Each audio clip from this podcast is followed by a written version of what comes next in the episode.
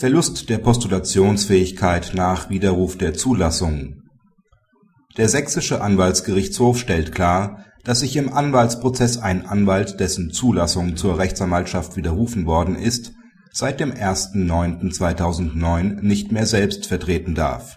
§ 155 Absatz 5 Satz 1 BRAO findet keine entsprechende Anwendung.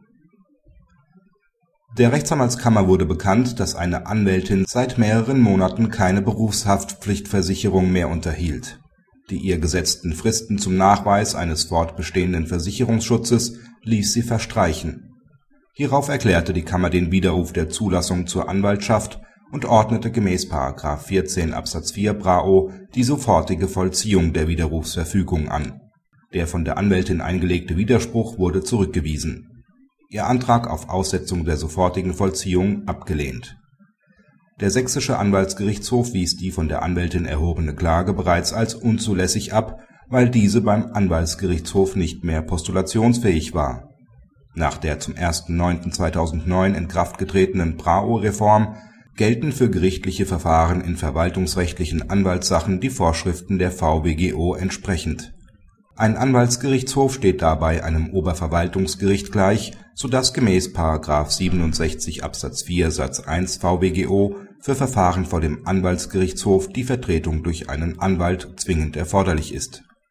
Die Befugnis als Anwältin aufzutreten hat die Anwältin jedoch infolge der Anordnung des Sofortvollzugs des mit dem Bescheid erfolgten Widerrufs ihrer Zulassung zur Rechtsanwaltschaft gemäß § 14 Absatz 4 BRAO in Verbindung mit § 155 Absatz 2 BRAO verloren der Sächsische Anwaltsgerichtshof stellt klar, dass die Anwältin auch aus § 155 Absatz 4 BRAO keine Berechtigung herleiten kann, sich im Verfahren wegen des Widerrufs ihrer Zulassung zur Anwaltschaft vor dem Sächsischen Anwaltsgerichtshof selbst zu vertreten. Diese Vorschrift gestattet einem Anwalt lediglich die Wahrnehmung seiner eigenen Interessen, soweit nicht eine Vertretung durch Anwälte geboten ist aus diesem Grund darf sich ein Anwalt, dessen Zulassung zur Rechtsanwaltschaft widerrufen worden ist, im Anwaltsprozess nicht mehr selbst vertreten. Vielmehr hätte die Anwältin einen den Vorgaben des § 67 Absatz 4 VWGO genügenden Vertreter bestellen müssen.